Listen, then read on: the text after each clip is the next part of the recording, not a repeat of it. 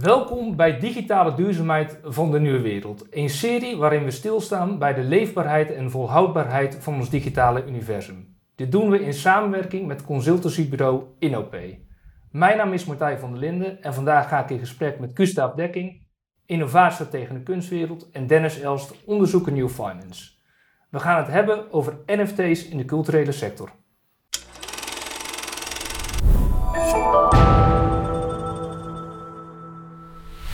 Welkom heren. Leuk dat jullie er zijn. Dank. Ja. We hebben het voor, besproken en we hadden gedacht we gaan drie stappen zetten. We gaan eerst definiëren wat NFT's zijn. En vervolgens gaan we in op de toepassingen momenteel binnen de mhm. culturele sector. En vervolgens gaan we kijken naar hoe zou het zich in de toekomst kunnen ontwikkelen. Dus dan aan jullie beiden, misschien begin ik met Gustav, de vraag, ja. wat zijn NFT's eigenlijk? Ehm, ja, NFT's, uh, dat is een, een acroniem voor Non-Fungible Token. En een Non-Fungible Token is eigenlijk uh, een, uh, ja, een, een, een, item op de blockchain of een, die een uh, uniek item vertegenwoordigt. Dus eigenlijk een stukje code op de blockchain uh, die een uniek item vertegenwoordigt. En dat unieke item kan een digitale kunst zijn, maar ook virtueel land, een concertkaartje, entree-tickets, noem maar op. Maar het gaat om inderdaad om het, het non-fungible, om het, het, het, niet uitwisselbare deel. Dus dat je een object met uh, unieke eigenschappen nu ook digitaal uh, schaars kan maken. Dus dat is het, uh, dat is het idee. Heb je er dingen aan toe te voegen, Dennis? nee, ja, helemaal eens. het voorbeeld dat ik zelf altijd gebruik ehm, op het moment dat we het over NFT's of unieke schaarste in het digitale domein hebben, is eigenlijk, om het even plat te slaan, ehm, nou, de mensen thuis die kennen waarschijnlijk wel het concept het MP3-bestand of een afbeelding. Nou, op het moment dat je die voorheen verplaatste via het internet, dan um, zorgt hij er als het ware voor dat je twee bestanden creëerde. Want wat gebeurt er dan? Je het, het, systeem kopieert als het ware het bestand en verstuurt het naar het andere, waardoor je twee bestanden hebt. Nou, dat werkt niet voor geld, maar dat werkt ook niet voor kunst, want dan krijg je steeds verschillende kunst, uh, of ja, meerdere kunstwerken. En um, ja, wat er dus destijds in 2008 uh, eh, met de ontwikkeling van blockchain-technologie is er ontstaan, is er dus een mogelijkheid om, uh, of er is een systeem bedacht die ervoor kan zorgen dat het dus als het ware wel degelijk verplaatst. En uh, daardoor hebben we ja, sinds die periode um, schaarste op, op het web. En mhm. daar kun, kan je allemaal verschillende mee, uh, dingen mee doen. En één daarvan is kunst. Ja, en dan de afgelopen jaren, of de afgelopen twee jaar, denk ik, zijn NFT's echt een hype geworden. En er zijn denk ik zinvolle toepassingen en minder zinvolle toepassingen. En eh, kun je misschien eens een aantal voorbeelden geven van toepassingen waar het echt iets toevoegt aan de kunstwereld? Uh, nou ja, aan de, aan de kunstwereld, kijk, de, het is niet iets nieuws waarbij uh, digitale kunst bijvoorbeeld uh, gemaakt wordt. Hè. Digitale kunst, en dat is bij uitstek een, een, een toepassing of een kunstvorm die zich leent voor non-fungible tokens of een combinatie met non-fungible tokens. Maar denk ik goed om, om eerst nog even een stap terug te nemen. Eh, NFT's staat niet gelijk aan kunst. Hè? zeker. Uh, uh, NFT's is een technologie die gebruik maakt van de blockchain-technologie. En die zorgt inderdaad, zoals Dennis net al aangaf, voor het mogelijk maken van digitale schaarste. Nou, dat is mooi, want als je dan dat toepast voor, voor makers die in het digitale domein werken, die hadden voorheen problemen, hè, wat Dennis net ook al schetste, met die kopieerbaarheid. Je maakt iets, je zet het op het internet en het is voor iedereen eh, te bezichtigen, maar ook eh, op te slaan.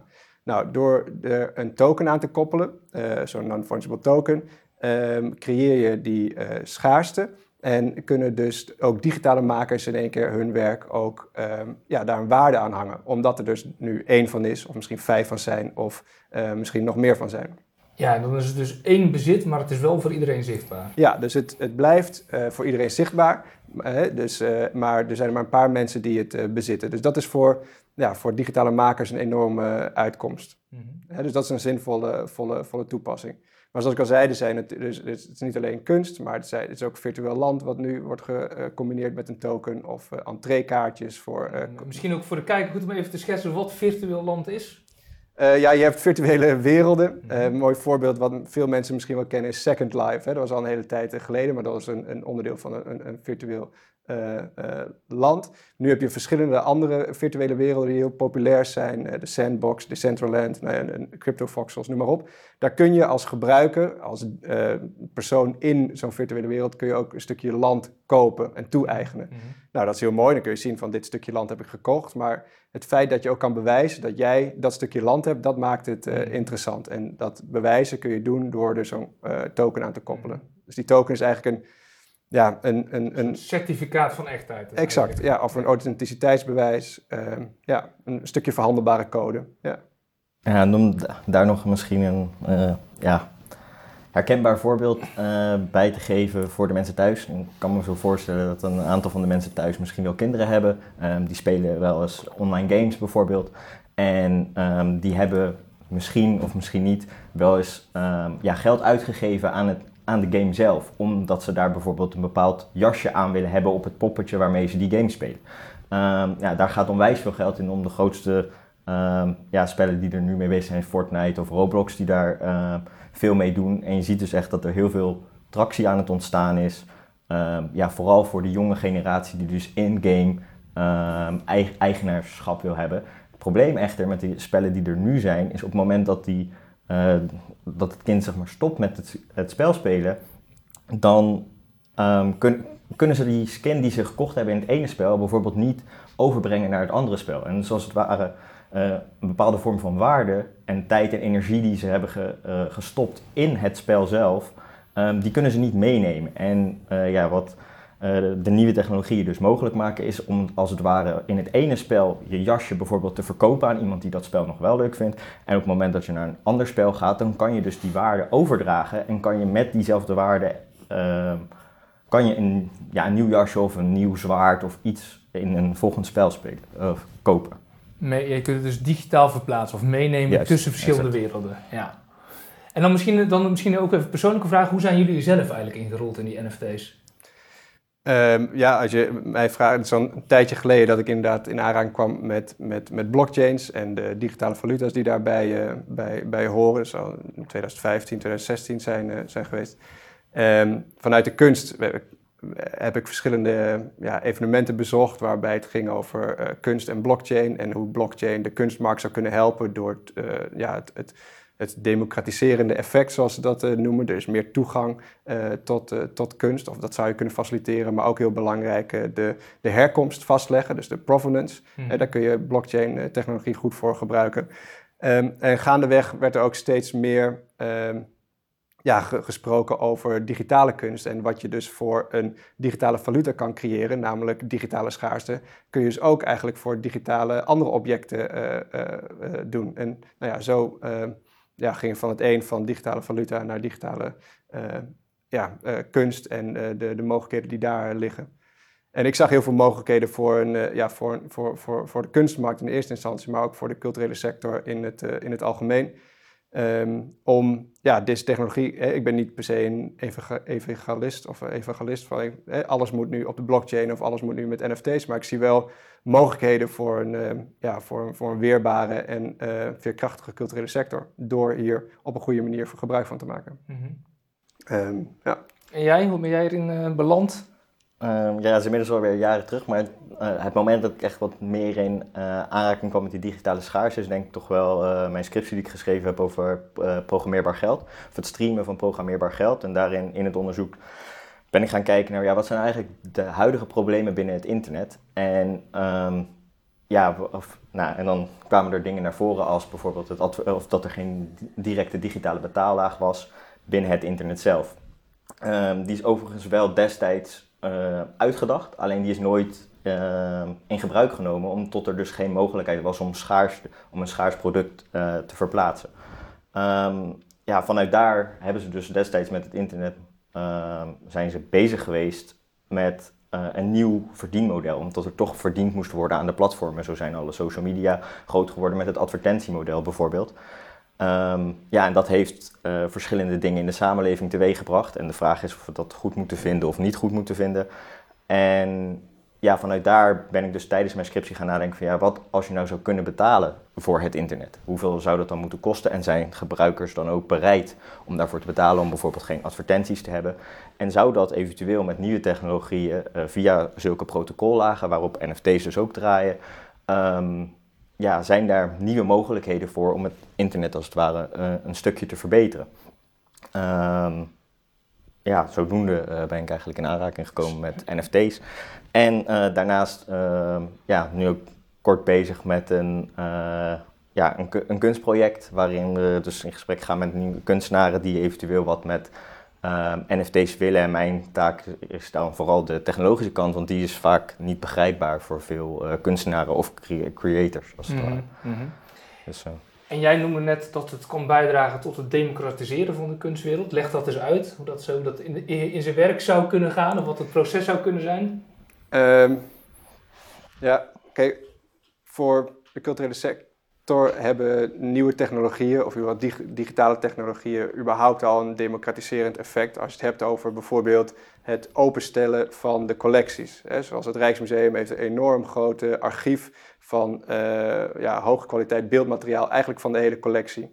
Daarmee stel je de collectie voor een veel breder uh, publiek eigenlijk al toegankelijk. Dus, mm. dus dat is al een manier waarop uh, musea op een hele laagdrempelige manier hun, ja, de, de, de kunst toegang kunnen democratiseren. Als je daar ook nog inderdaad een vorm van eigenaarschap of zeggenschap aan zou kunnen toevoegen door middel van die nieuwe technologieën, dan, ja, dan heb je niet alleen, het, het alleen de, de, zichtbaarheid, maar ook uh, misschien dus de, ja, de, de zeggenschap en de, um, ja, hoe noemen we dat, het, um, uh, uh, de, de, de, dat mensen inspraak hebben op wat er, wat er eventueel gebeurt in zo'n in zo'n in zo'n museum. Mm. en dat kun je faciliteren door, door tokens uit te geven, door NFT's uit te geven. En dan in samenwerking met uh, ja, het museum en die nieuwe uh, gemeenschap die je daar online om creëert, uh, iets op te zetten. Maar maak het dus heel concreet. Heb je een voorbeeld van een project waarin dit meer of minder mate is gelukt? bij musea, die zijn daar nu steeds meer mee aan het experimenteren. het British Museum is wel een, een, een, voorbeeld dat veel aandacht heeft gekregen. En zij hebben eigenlijk vrij eenvoudig, echt letterlijk digitale kopieën van bekende kunstwerken gemaakt. Hokusai zijn ze mee, mee begonnen en daarna met, met Turner. hebben ze inderdaad gewoon een, een, ja, een soort van digitale kopie of een digital twin van het schilderij of van de tekening online beschikbaar gemaakt. Daar een token aan gekoppeld met een bepaalde schaarste. En dat uitgebracht aan ja, een nieuwe generatie patronen. Dus heb je eigenlijk een aandeel in het digitale werk? Ja, ze hebben eigenlijk een derivaat ervan gemaakt. Dus een werk in oplage van het uh, origineel wat er, wat er is. Ja. En um, ja, zo kunnen mensen dus toch een soort van, ja, dat, uh, in ieder geval het gevoel hebben van eigenaarschap over, een, uh, over dat werk. Maar tegelijkertijd ook inderdaad de, de culturele instelling. Dan zullen sommige mensen natuurlijk zeggen, waarom zou je dat willen hebben? Ja. Wat is daar de zin van? Ja, ja. nou ja, dat, dat, dat, is, dat is het dus. Hè. Het is natuurlijk laten zien dat je misschien het museum op die manier ondersteunt. Laten zien dat je een patroon bent. Dat je naast grappige plaatjes op het internet verzamelt ook misschien serieuzere dingen verzamelt. Mm Het, is, mm het is een vorm van, van, van ook je digitale status ehm, ehm, laten zien. Mm -hmm. maar ook inderdaad het, het, steunen van een, van een museum. En kijk, mensen kopen in dit geval, en dat is een redelijk concreet voorbeeld, maar mensen kopen muismatten en uh, bekers met een afbeelding erop. En hè, dat kan je dus ook op, een, op een digitale manier uh, faciliteren. Maar dus, hè, dit, wat, wat, wat, wat ook interessant zou, uh, zou zijn, waar nu steeds meer musea ook mee exper experimenteren, waar ik, ze, waar ik het met ze over, over heb. Ehm, weet, wat, wat ik doe is, ik, ik help culturele instellingen om hiermee aan de slag te gaan. Of om te kijken of het past binnen hun missie en binnen de dingen die ze willen bewerkstelligen. En daarnaast uh, ja, heb ik een, een, platform waarbij we, uh, of in ontwikkeling, waarbij we musea, uh, of samen met musea collecties uitgeven die mhm. gebruik maken van die non-fungible tokens. Maar wat interessant is dat je er um, dus bij een museumbezoek ook een NFT zou kunnen ontvangen. En dat, dat, dat maak je gebruik van een, een protocol dat heet een, een POAP, een Proof of Attendance mm. protocol. En daarmee kun je dus eigenlijk een nieuwe manier van betrokkenheid creëren tussen het museum en de bezoeker. Mhm. Eh, en dat kan fysiek of dat kan eigenlijk ook digitaal of virtueel. Waarbij mensen met ja, hun telefoon of een, een, bepaalde QR-code scannen en daar een, een, een, NFT voor in ontvangst krijgen die uitgegeven wordt door het, door het museum. En zo kun je nou ja, een, ja, die nieuwe laag betrokkenheid creëren met, ja, want wat zou, dan heb ik die NFT. En ja, en dan kun je dus laten zien. En dat zie je, wat, wat nu veel gebeurt in deze nieuwe economie, is dat het, dus dat het ook weer een nieuwe vorm van, uh, van, van status of laten zien van, kijk, ik ben hier geweest en ik kan het ook bewijzen dat ik hier ben geweest door hè, die, die, die NFT die erbij is uitgegeven. Wat, wat interessant is, dat je ook terugkerend bezoek zou kunnen uh, faciliteren of initiëren. Waarbij je als je misschien nog een keer gaat een andere NFT krijgt die net, iets schaarser is. Of als je nog een keer gaat, dat je, dus als je bij vijf keer bent geweest en je hebt een bepaald schilderij gezien en dus ook misschien gescand. Uh, nou ja, krijg je toegang tot, tot nou ja, een bepaalde online of offline ervaring. Of je krijgt iets anders. Hè. Dus je kan daar allerlei interessante modellen aan, aan koppelen met alleen maar een museum bezoeken. Nou, dat kan in het museum, dat kan buiten het museum. Dat kan met verschillende musea samen, dat je, dat je door verschillende musea uh, als, als een soort van schattenjacht de verschillende schilderijen zou moeten scannen. Um, ja, zo, zo, zo kan dat. Of, wat je ook ziet is samenwerkingen met hedendaagse kunstenaars die een museum eigenlijk faciliteert om, waarbij het museum die ruimte faciliteert voor een, voor een kunstenaar die iets maakt en dat wordt uitgegeven door het museum. Dus zo zijn er verschillende toepassingen die het museum zou kunnen aanvliegen. En hoe belangrijk zijn die communities voor de NFT's? Ja, in mijn, in mijn optiek uh, wel essentieel. En ik ben ook uh, ja, eigenlijk wel heel benieuwd naar hoe bijvoorbeeld de kunstwereld daar uh, mee omgaat. Ik ben niet heel erg gespecialiseerd in kunstwereld, dus zal zo misschien ook nog wel een vraag stellen. Um, maar ja, die communities, of het, open source bouwidee, dus dat je met z'n allen iedereen toelaat om mee te denken met het bouwen aan een project of aan een kunstwerk, of misschien zelfs mee laat denken in het creatieve proces van de kunstenaar zelf, um, ja, creëert heel veel nieuwe mogelijkheden, onder andere voor de kunstwereld, maar ook uh, daarbuiten voor mensen die. Um, ja, er, is wel een mooie uit, uitspraak, volgens mij was het uh, van Andreessen Horowitz, en die stelde eigenlijk dat um, er zijn altijd meer mensen Ehm, buiten, of meer slimme mensen buiten jouw organisatie dan meer mensen binnen jouw organisatie. En, of slimme mensen binnen jouw organisatie. En ja, dat op zich stelt eigenlijk van op het moment dat je dus gaat bouwen met alles en iedereen die enthousiast is over waar jij aan werkt, kom je eigenlijk veel verder. En ja, daardoor denk ik dat uh, met incentives en het bouwen aan een community, uh, dat dat essentieel is om, of eigenlijk een van de essentiële dingen is die toegevoegd of een van de essentiële concepten is van dit, uh, ja, van het hele NFT-verhaal. Omdat je nu andere mensen kan incentiviseren met een proof of attendance of met andere vormen van tokens. Um, en daarmee ja, op een nieuwe manier kan gaan ontwikkelen. Ja, nou, dus ik, ik heb met jou ook op de Haagse Hogeschool gewerkt. Mhm. En dankzij jou ben ik ook eh, in de crypto- en NFT-wereld, of dankzij jou en een paar van die andere jonge gasten. Dus ik denk dat veel voor jonge mensen is het heel normaal dat ze tokens hebben, mhm. tokens uitwisselen, die laten zien in die wereld digitale dingen bezitten. Uh, maar het is natuurlijk heel paradox met de, eigenlijk de klassieke kunstwereld van de oude verzamelaars die gewoon naar een kunstbeurs willen, schilderij willen bekijken, een galerie willen bezoeken. En hoe, hoe, ja, hoe komen die twee werelden bij elkaar? Of die lijken helemaal langs elkaar heen te, te leven eigenlijk. Ja, dat, uh, dat klopt. En ik denk dat dat voorlopig ook nog wel even blijft. Je moet wel door aardig wat uh, ja, mentale hoepels springen om het, überhaupt het concept en de, abstractie uh, ja. ervan te begrijpen. En ook inderdaad te accepteren als iets dat, dat, dat gebeurt. Hmm. Hè? Wat dus voor de jongere generatie, wat Dennis ook al net aangaf, in spellen heel normaal is dat je digitaal dingen aankoopt. Of het virtueel land is of een, een, een jas of wat dan ook. Ja, dat moet nog wel... Um, um, ook naar, naar de meer ja, mainstream gebracht worden. En daar zit een heel stukje educatie wat, wat daarbij moet komen te kijken. Betere informatievoorziening, gebruiksgemak zou moeten toenemen. Dus waarbij je nu dus een, een wallet moet aanmaken of een, een digitale portemonnee waar je dat mee kunt verzamelen of in kunt opslaan. Ehm, ja, daar zijn nu allerlei mensen mee bezig om dat te vergemakkelijken, zodat het ja, straks met een paar ja, zonder dat je eigenlijk doorhebt dat je gebruik maakt van blockchain technologie, gewoon je favoriete dingen kunt gaan verzamelen.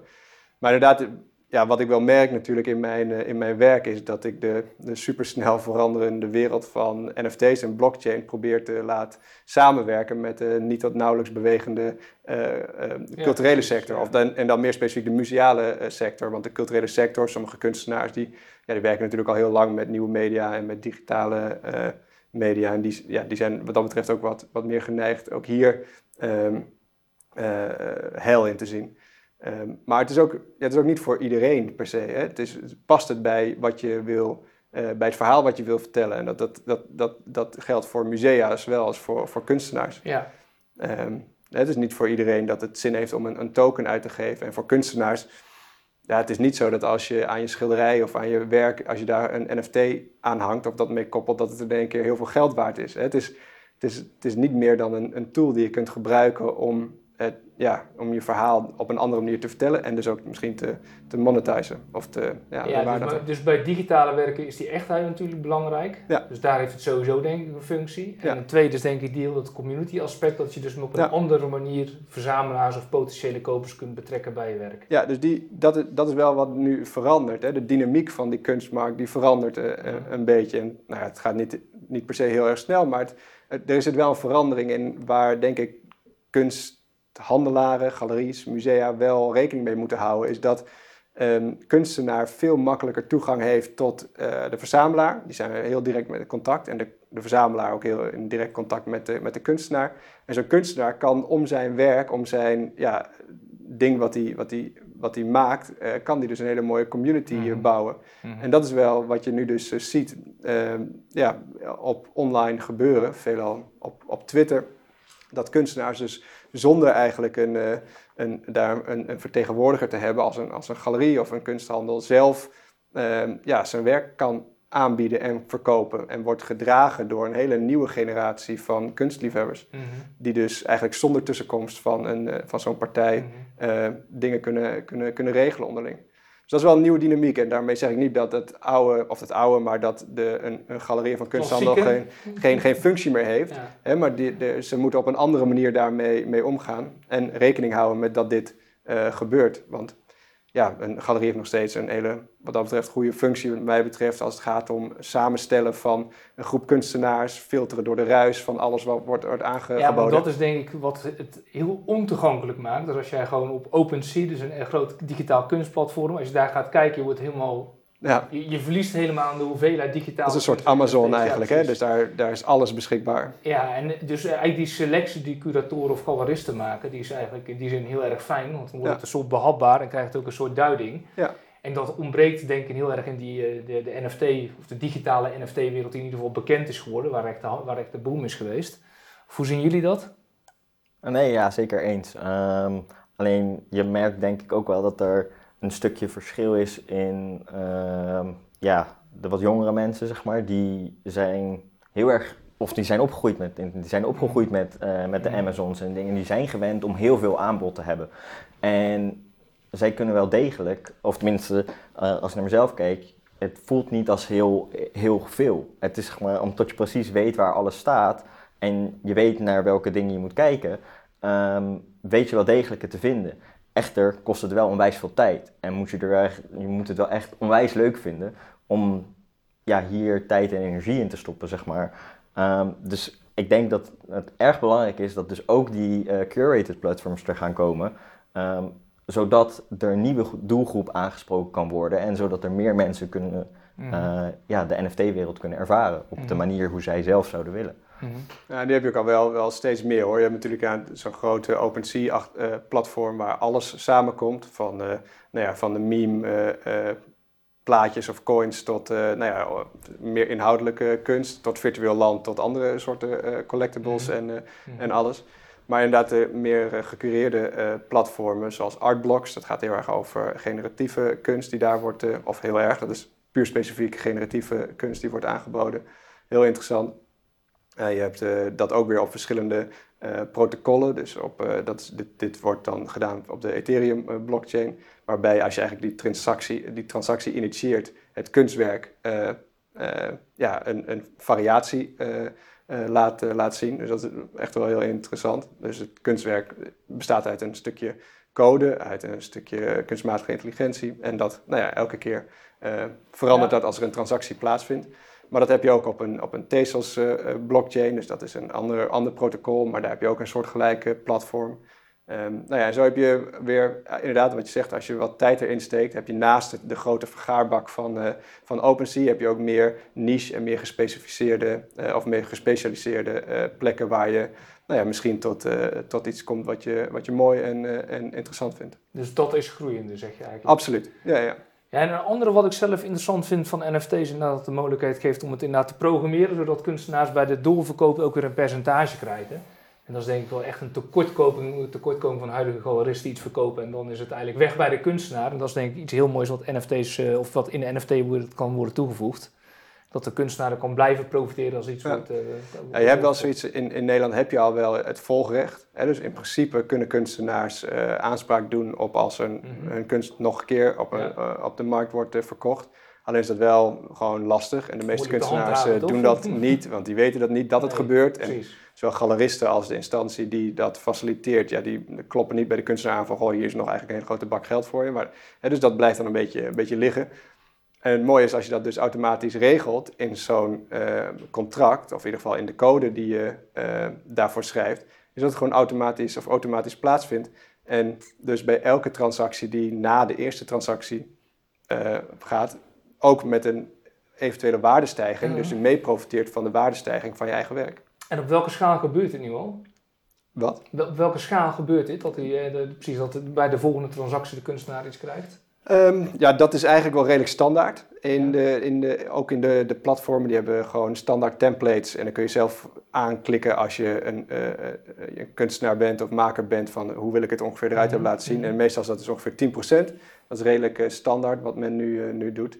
Dus dat gebeurt wel, maar je moet dan wel inderdaad zorgen dat zo'n werk weer opnieuw wordt verkocht. Of hè, anders maakt het niet Ja, zo of niet. Als je wel ja, houden natuurlijk. Precies, ja. Nee, exact. Ja, om er misschien een mooie toevoeging aan te doen. ehm nou, Topshot, dat is dan een, eh, een mediaplatform. Zij verkopen ehm, in-game moments.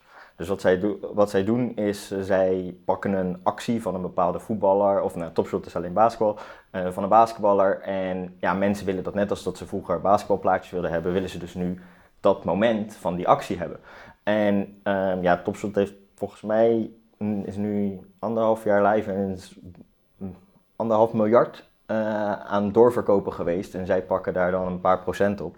Ehm, dus dan, en vanuit daar hebben ze wel degelijk een eh, businessmodel ehm, ja, waar ze weer mee door kunnen bouwen. En Mhm. vanuit daar kunnen ze dus weer nieuwe content creëren en eh, dingen doen. En ja, zodoende, zolang er vraag is en mensen ja, het topshot verhaal interessant vinden en, en blijft groeien, ehm, zal er een businessmodel model blijven staan. En dan kom eigenlijk een beetje, denk ik, in het vaarwater van eh, merken. Dus op het moment dat een, eh, een Supreme, nou dat is dan een merk dat de afgelopen jaren eh, wat meer bekendheid heeft gekregen, ehm, heel populair wordt. En dan kan er heel veel verdiend worden aan, een, ehm, ja, aan hun producten. En zodoende heb je dat dus ook rondom NFT's. eh, waardoor ik zelf vaak ook naar NFT-projecten kijk als een soort van merk. Ja. Een merk dat relevant is op Ja, dit ja. moment, om tot ja, de maatschappij het relevant vindt Ja, ja. voor bepaalde aspecten. Ja. En ehm, ja, zodoende heb je dat ook. Nee, maar ik denk dat die, die apen, die, eh, die Mhm. apen-NFT's, dat dat het bekendste voorbeeld is. Dat, dus die zijn heel veel waard geworden in de, naar de crypto-NFT-wereld.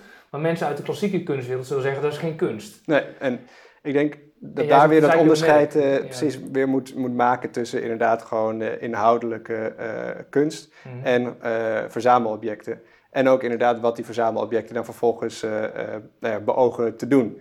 Ja. Ehm, als, je zo'n, als je het interessant vindt, zo'n, zo'n apenproject, die Board Ape Yacht Club, dat is eigenlijk een soort van entree-ticket tot een bepaalde community. En als je onderdeel bent van die community, ja, dan krijg je allerlei eh, ja, voordelen die je al dan niet eh, interessant vindt. En waar je dus een bepaalde waarde voor, eh, of een bepaald bedrag voor, voor o- over hebt. Mhm. Ehm, als je het hebt over, over, over kunst, dan is het denk ik heel belangrijk om niet te kijken naar, naar het merk, maar wat ook gewoon in de traditionele kunstwereld is, van, goh, in de eerste instantie vind ik het mooi of niet. In de tweede instantie kan ik daar ook nog een kunstenaar mee, eh, ja, mee, mee helpen die ik, eh, die ik goed vind. Daarnaast kan ik het betalen. En als je dan ook nog ervan uitgaat dat het niet in waarde stijgt, hè, dan kun je eigenlijk gewoon niet, niet misgaan. Eh, als het dan wel in waarde stijgt en je denkt het te verkopen, nou ja, prima. Maar als Ja. je, hè, je koopt inderdaad die kunst omdat je het mooi vindt, omdat je het interessant vindt, omdat je daar iemand mee, een kunstenaar mee kunt ondersteunen. Ik denk dat is interessant. En dan heb je daarnaast nog inderdaad die wereld van, ehm, ja, van eh, collectibles of die, die uh, profielfotoprojecten. Uh, ik denk dat je het goed uitlegt, ja. ja. Dus het is eigenlijk, je moet het niet als kunst beschouwen, maar meer als een object wat je ook toegang geeft tot een community waar weer van allerlei andere voordelen te halen zijn. Kijk, wat kunst is en wat niet kunst is, daar kunnen we nog een, een heel mooi langdurig gesprek over voeren, denk ik. Maar Um, ja, volgens mij wordt dat project niet zo neergezet als een inhoudelijk uh, ja, kunstwerk, maar gaat het veel meer om de community en om ja, wat, uh, de, wat die community allemaal niet uh, wil gaan doen en bereiken eh, samen. Mm -hmm. Maar wat doen mensen in zo'n community? Dat is misschien toch ook wel goed ja, uit te leggen. Nou ja, nu de, actief doen mensen, hè, gaat, wordt het alsnog door, die, door dat bedrijf eigenlijk uh, geleid. Maar zij, ja, zij krijgen toegang tot, uh, tot speciale evenementen en feesten op uh, exotische plekken en locaties. En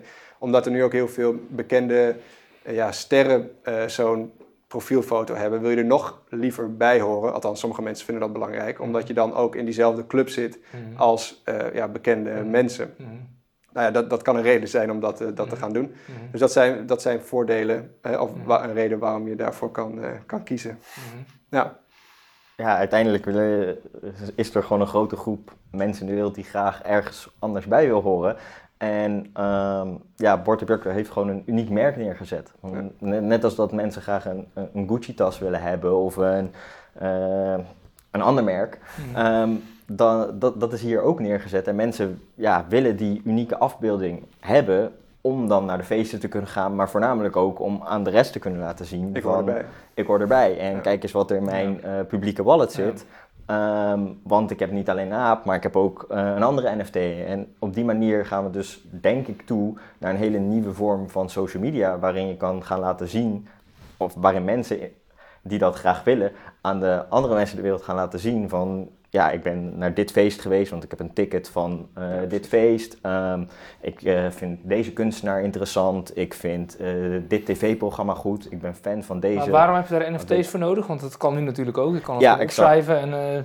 ja, exact. En, cv, dit heb ik gedaan, dit vind ik leuk. Ja, en dan, dan kom je dus een beetje op het verhaal van um, dat je alles kan opschrijven wat je wil. Ja. En dat is een voorbeeld dat ik wel eens gebruik. Ja, op het moment dat je het Rolex van je vader leent, en je gaat daarmee een fotootje maken op Instagram, dan kan dat er heel stoer uitzien. maar is eigenlijk niet van jou. En wat je dus nu kan nog zien. Niet. Nog, nog niet van jou, inderdaad. En uh, waar je naartoe kan gaan, is, uh, of tenminste op het moment dat je dus gebruik maakt van een publiek protocol waarin de transacties zichtbaar zijn, mm kan je dus gaan. Uh, ja, kan je dus op basis van die wallet zien waar het eigenaarsrecht zit. Ja, ja. En dan, gewoon de echtheid toch. Gaat ja, toch exact. Ja. En dan kan je dus het echt van, ik heb echt een aap in mijn wallet. Ik heb echt dit in mijn wallet. Ik ben echt naar dat feest geweest. Mhm. En op het moment dat je dus dan van je vader um, de, uh, een aapje gaat lenen, want die verplaats je naar jouw wallet, met mm. toezegging of iets, mm. um, dan, krijg, dan krijg je dus dat onderliggend in de protocollaag is in te zien van, ja, maar deze komt niet daar vandaan. Die komt ergens anders vandaan. Ja. Ja, en daar is geen geld voor betaald. Het is gewoon een transactie naar jouw wallet. Ja, wat ik er moeilijk aan vind, is de vraag is of het dan inclusiever wordt. Of juist exclusiever eigenlijk, hè? Of dat het juist minder toegankelijk wordt. Want ik heb toch al die NFT's, dus ik kom er nooit meer bij. Dat is natuurlijk wel het grote gevaar van dit soort uh, systemen. Maar dat is ook weer heel erg waar, waar je dan precies op doelt. Hè? Mm. Want kijk, op zich, en nogmaals, ik, ik, ik, ben niet dat nu dat alles een NFT moet worden, dat iedereen er gebruik van moet maken. Maar ik, ik zie het als een, een, manier, als een tool die, die mensen kunnen gebruiken om uh, ja, hun verhaal verder te vertellen en daar misschien ook nog een bepaalde waarde tegenover te kunnen stellen. Maar als je, het, het zou een, een, manier voor een meer inclusievere kunstmarkt kunnen zijn, omdat zonder tussenkomst van derden eigenlijk iedereen met een internetverbinding en een computer en nou ja, e-, enkele geestelijke uh, ja. verbeelding uh, toegang heeft tot die kunstmarkt. Ja.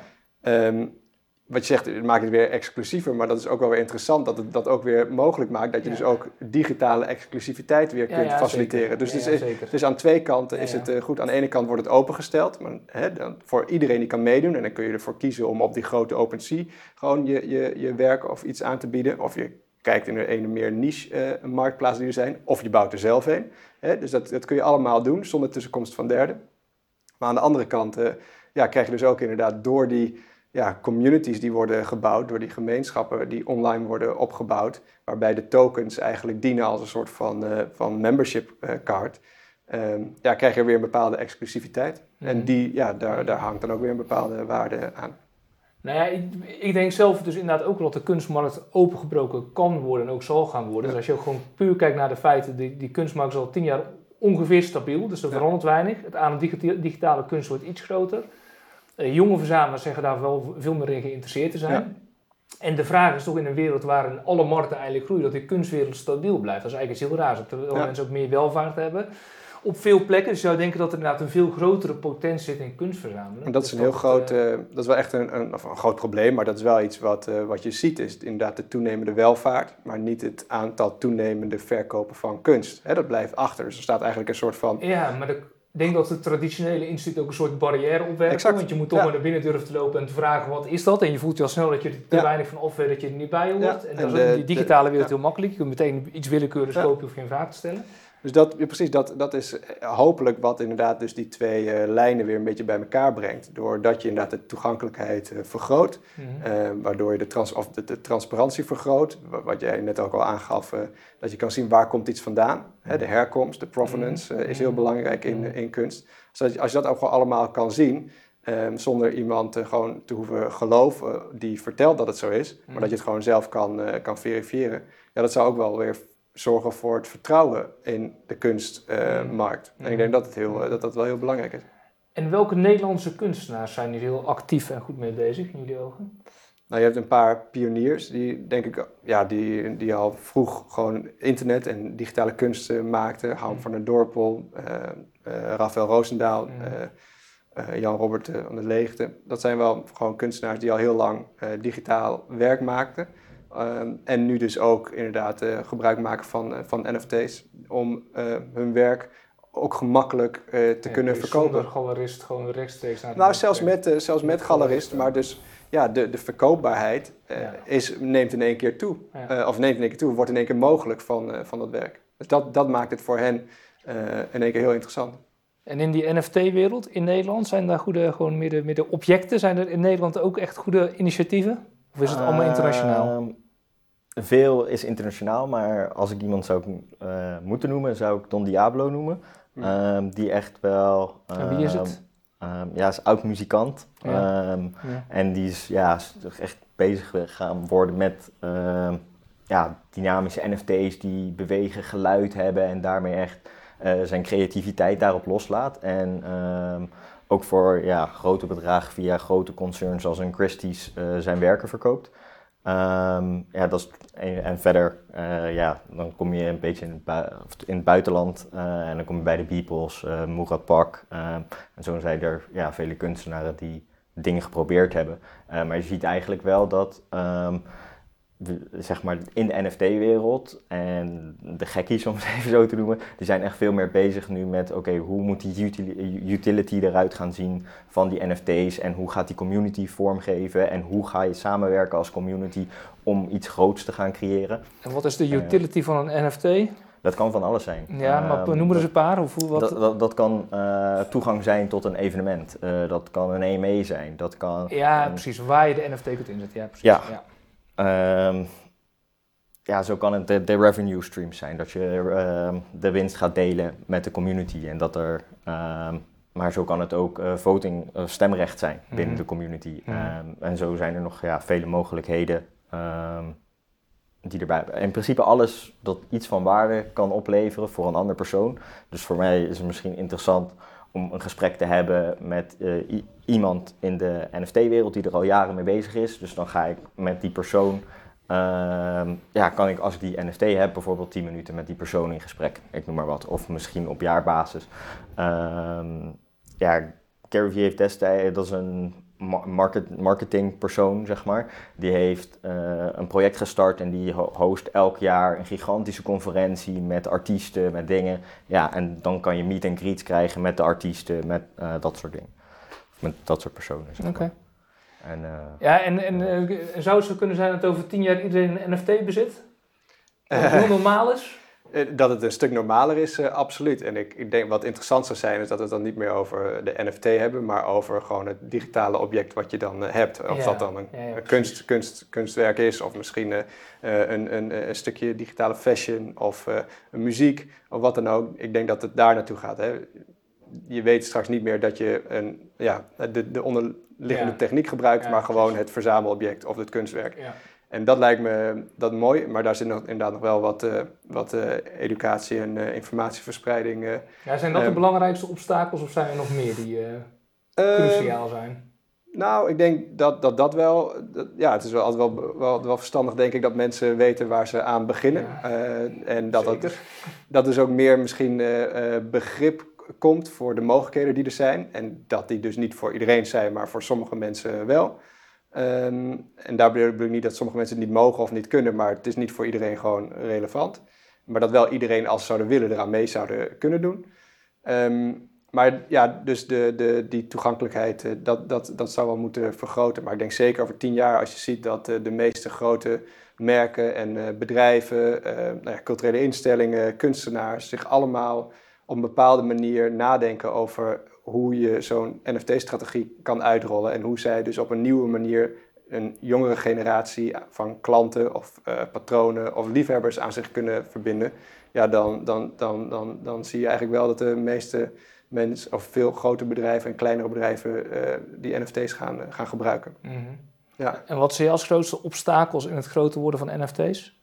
Ehm, ja, toch wel de gebruiksvriendelijkheid. Um, ik denk dat op het moment dat je dus nu een wallet wil aanmaken, uh, dan ja, ben je bezig met een, allemaal verschillende woorden die mensen kwijtraken. Dat is ook een van de dingen die veel nieuws is geweest. Dat grote popsterren, die hadden dan voor 200.000 of 300.000 dollar een aapje gekocht. En vervolgens later kwam in het nieuws dat de, de wallet gek was of dat ze het kwijt waren. Of omdat ze niet precies weten Eén, ehm, waar ze mee bezig zijn en hoe ze het moeten opslaan. En daarin moet ja, een stukje educatie, wat Gustav aangaf, en de gebruiksvriendelijkheid van hoe gaat het nou in zijn werk. Eigenlijk moet je denk ik naar een model toe waarin je uh, op dezelfde manier inlogt zoals dat je in je e-mailaccount inlogt of in je Facebook-account mm. inlogt. Mm. En, uh, want dat is bekend. En op het moment dat je vanuit die bekendheid kan je daarna verder mm-hmm. um, naar uh, de meest optimale of meest veilige. Uh, maar in eerste instantie moet die gebruiksvriendelijkheid gewoon echt uh, mm-hmm. ja, verbeteren. Ja, en een andere waar ik zelf pas ook bij digitale duurzaamheid, dat veel mensen denken toch dat blockchains heel uh, ecologisch destructief zijn. Ja. Um, hoe denken jullie daarover? Nou, ik denk dat er nog wel ruimte is voor een paar efficiëntieslagen wat dat betreft. Maar ik denk dat ook hier weer goed is om uh, te weten dat er verschillende pro protocollen zijn die op verschillende manieren uh, transacties verifiëren. Waarbij de ene, zonder al te diep in de technologie te gaan, maar waarbij de ene vrij energiebehoevend is. En een andere manier, dat noemen ze de proof of stake, uh, blockchain of protocol, die gebruikt eigenlijk ja, 99% minder stroom. Dus je ziet dat veel, veel nieuwe projecten toch ook wel gebruik gaan maken van dat proof of stake uh, model, of dat proof of stake protocol. En er is net een recente onderzoek geweest van Deloitte Canada, waarbij het minten, dus eigenlijk het, het creëren van een token aan een ander object, minder energie verbruikt dan een, uh, of vergelijkbare energie verbruikt met een Instagram-post. dus om het een beetje in perspectief te, te plaatsen. En um, daar nog, als ik mag, daar nog een kleine toevoeging aan te doen. Um, uh, waar, waar, dit, ja, of tenminste deze studie is gedaan op een bepaalde specifieke blockchain. om het even heel simpel uh, te maken, um, de Bitcoin blockchain die als eerste is uitgekomen, dat is uh, proof of work, zijn miners voor nodig en kost heel veel energie.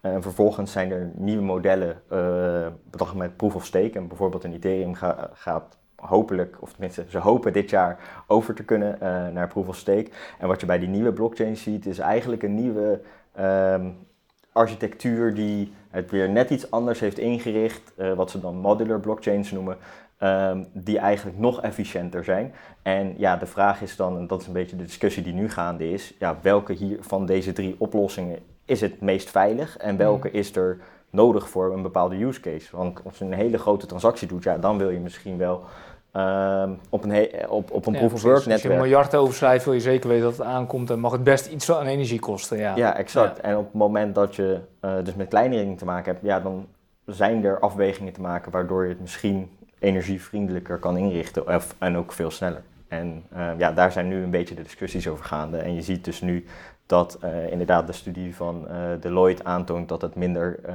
energie kost dan een Google search, het minten van NFT. Dus dan zit je eigenlijk op hetzelfde. En op welke blockchains gebeurt het dan? Of welke blockchain? deze specifieke studie was op de Flow blockchain. Flow, ja. Um, en verder zijn er een aantal die nog niet live zijn, zeg maar. Die zijn ook met dit soort mechanismen bezig of in ontwikkeling, zeg maar.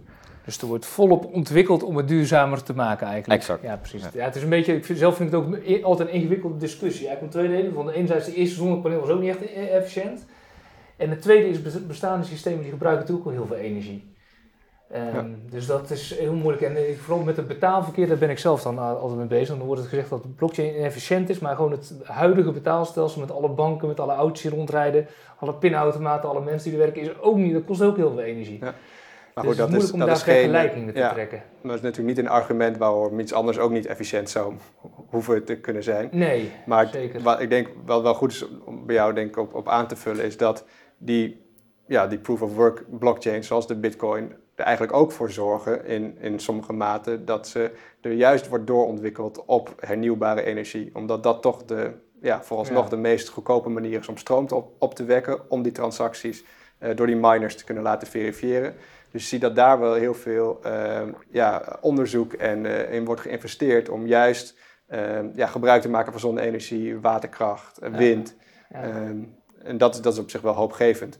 Neem niet weg dat er nog steeds inderdaad ook veel, heel veel ja, vervuilende energie wordt, of ja, wordt opgewekt daarvoor. Maar ja, er is wel een, een shift gaande. die ja, niet alleen moet zorgen voor ja, meer efficiëntie, maar ook dat het op een, een een mooie, uh, of in ieder geval een, energie-neutrale manier gebeurt. Ja, en, en, dan misschien nog de vraag over, zeg maar, wat is hier de rol van regulering, wetgeving, toezicht? Dus nu lijkt het inderdaad een soort cowboywereld, dat mensen gewoon met dingen beginnen en het gebeurt. Ja. Um, is daar een rol weggelegd voor toezichthouders of voor wetgevers? Nou, dat denk ik, dat denk ik wel. Wil uh, überhaupt de, de crypto markt of de crypto sector uh, groeien, dan moet er toch een bepaalde manier van uh, wet en regelgeving worden mm. uh, toegepast. En het is nu een beetje een grijs gebied, althans mm. voor de meeste mensen is het aardig grijs in ieder heel, geval. Heel grijs denk ik. Ja, dus ik denk dat daar, dat daar als, dan, dat zal ook uiteindelijk zorgen voor beter, of meer innovatie rondom die projecten, omdat ze weten wat wel en niet kan. Ja. Hè? Dus nu, maar wat is er nodig dan? Nou nu ja, kijk, voor nu als je het betrekt op de, op de, op de, op de kunstmarkt, dan wat, hè, als je het hebt over, over wet en regelgeving, is het misschien wel interessant om beter aan te geven dat wat je daadwerkelijk bezit als je een NFT hebt. Hè, dus heb je, ben je daadwerkelijk eigenaar van het, de afbeelding of ben je eigenaar van het stukje verhandelbare code die je hebt? Hè? Dat is natuurlijk wel belangrijk om te weten. En welke Ja. claim kun je daadwerkelijk Ja. leggen op het object dat je Ja. eh, hebt. Dus dat is niet per se dat die wet en regelgeving er niet is, maar dat het intellectueel eigendom eigenlijk nog steeds van kracht is, ook gewoon met, eh, met, met NFT's. En daar is niet zo heel veel aan, aan veranderd. Maar voor, ja, voor, voor, voor crypto en voor, voor digitale valuta, ja, daar, daar, daar, ja, daar kan misschien Dennis misschien meer Mhm. over vertellen wat, wat echt nodig is. Ja, wat, ook hier, ehm, zeg maar op de technologische aspecten, is het gewoon essentieel dat er duidelijkheid komt. En vooral duidelijkheid om, op het moment dat als je nu eh, een, een proof-of-stake blockchain aan het valideren bent, Mhm. eh, want dan je hebt validators en die zorgen ervoor dat het systeem veilig blijft. Ja. Ehm, op het moment dat die transacties aan het valideren zijn, die financiële waarde hebben, ja, wat ben jij dan?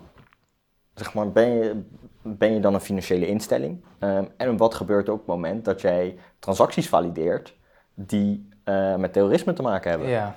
Ehm, en dan kom je best wel al snel in vaarwater waar gewoon geen duidelijkheid, of tenminste vooralsnog weinig duidelijkheid over is. ja. Ehm, waardoor je, ja, om, door te participeren in dat soort dingen, wel risico neemt. Ja. En dan is de vraag van, hoe kan dat, ja, dus de duidelijkheid wordt belangrijk. Wat is het? En op basis daarvan ja, kan je verder en kan je Mhm. verder gaan innoveren en meer ideeën uitwerken. Maar wat zou u zelf zeggen? Hoe, hoe, hoe, kan er duidelijkheid worden geschapen? Ehm, ja, dat is een goede vraag. dat, ehm,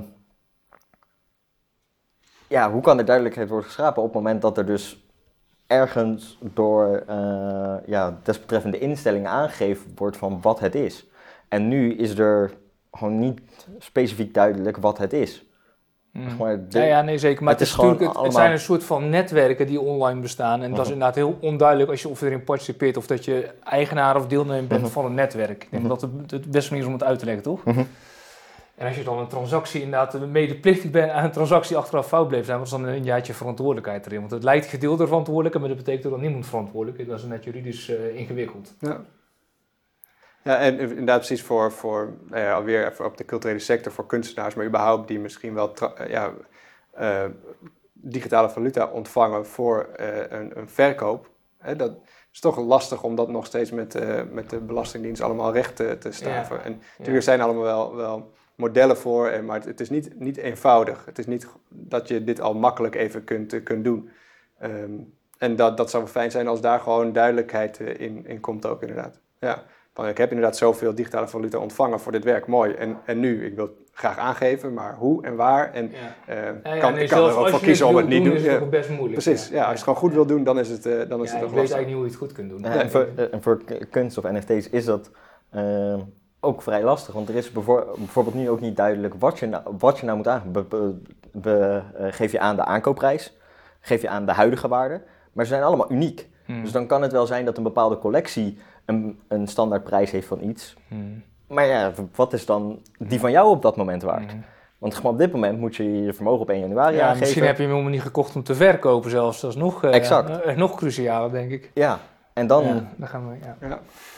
Hey, en dan misschien tot slot de vraag, waar moeten we de komende tijd op gaan letten? Wat zijn de belangrijkste ontwikkelingen? Of wat zijn de meest spannende dingen die eh, staan te gebeuren? Nou, ik denk voor mensen die kijken en die het leuk vinden om eh, zich onder te dompelen in de wonderenwereld van, eh, van NFT's en Web3 en eh, de metaverse en dat soort dingen, is er een leuk evenement in Amsterdam, wat binnenkort plaatsvindt met Amsterdam, Metaverse Amsterdam. Ehm, daar kun je tickets voor kopen en dat is misschien wel het leuke daarvan is dat je dan eigenlijk met de aankoop van een ticket, die vrij stevig zijn overigens, maar die meteen dan ervoor zorgen dat je een digitaal kunstwerk in je wallet hebt.